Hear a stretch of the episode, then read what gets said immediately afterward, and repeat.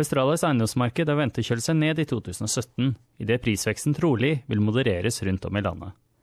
Det kan bety nye muligheter for investorer i ulike deler av landet, selv om boliglånsrenten vil stige.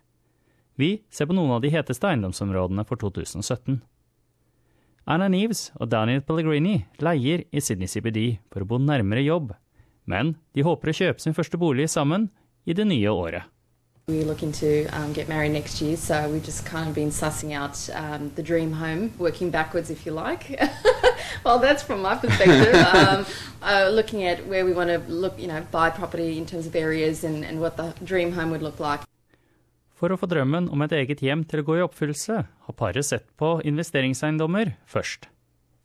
Looking for a land and house package uh, because the real value is in the land. Um, and that's what is going to get the, the, capital growth that we're going to need in order to build the equity to then eventually either sell that house or leverage against that property, that investment property, to buy our own owner-occupied property. Andrew Wilson, en eiendomsøkonom hos Domain, sier den gode nyheten for investorer som Daniel og Anna, som prøver å forsøke å komme inn på markedet, er at prisveksten for eiendom ventes å avta neste år.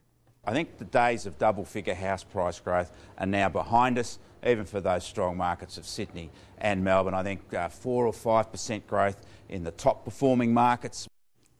Domain forventer at boligprisene vil vokse beskjedent, med Melbourne og Canberra på toppen av listen, med opptil 5% hver. Eiendomsmarkedene i Sydney og Brisbane er antatt å stige med 4% Adelaide med 3 Hobart 2 og Darwin 1% mens Perth er forventet å ha et flatt år. Prisene for leiligheter vil bli blandet idet nye boliger blir tilgjengelig. Lavere priser er prognosen for leiligheter i Darwin, Perth og Brisbane. Andrew Wilson ser muligheter i noen regionale markeder i New South Wales idet statens gode økonomi understøtter prisveksten i eiendom. But I do think regional markets are looking particularly good. In New South Wales, we're seeing Wollongong, Newcastle, Ballina, uh, very strong regional markets at the moment, strong prices growth, and I think it's that affordability advantages that those markets still have. Still have some proximity into Sydney, whether directly or by uh, or, or, or, by air, uh, and I think that they represent very good value markets.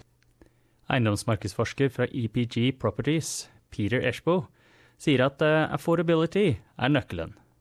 I think the 500,000 to a million dollar price point is probably the most attractive. Uh, it's a price point where there's natural demand from first time investors. It's a price point where there are still government incentives around stamp duty, first home buyers grants, and it's a price point where low interest rates really target. Han legger til at å finne gode eiendommer til denne prisen er en utfordring. Penrith is an area that's quickly emerging, quickly changing.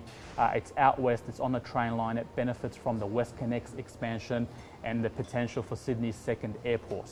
That's very, very exciting. In other areas, uh, you really have to venture interstate. Esho sier at endring i renten kan påvirke enkelte deler av markedet. I think anything above the million dollar price point will struggle. Anything from a million to two million or million to two and a half million will really be impacted by the bank's changing rate policy, particularly towards investors. Långivere har allerede endret gjeldende variable rentesatsene på eiendomsinvesteringslån uten å vente på en endring fra Reserve Bank. Domains Andrew Wilson sier at det er en trend som trolig vil fortsette inn i neste år. And banks will continue to try to safeguard or manage their bottom line. They have a responsibility to shareholders by pushing up interest rates for mortgages and perhaps against uh, what I believe is still a likelihood of lower official rates next year.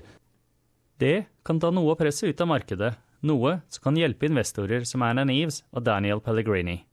Uh, it's not a worry, it's, it's not a, unexpected. To be honest, to, to sort of soften the investment side of things. I think it's probably good for prices and a good opportunities for future buyers like ourselves.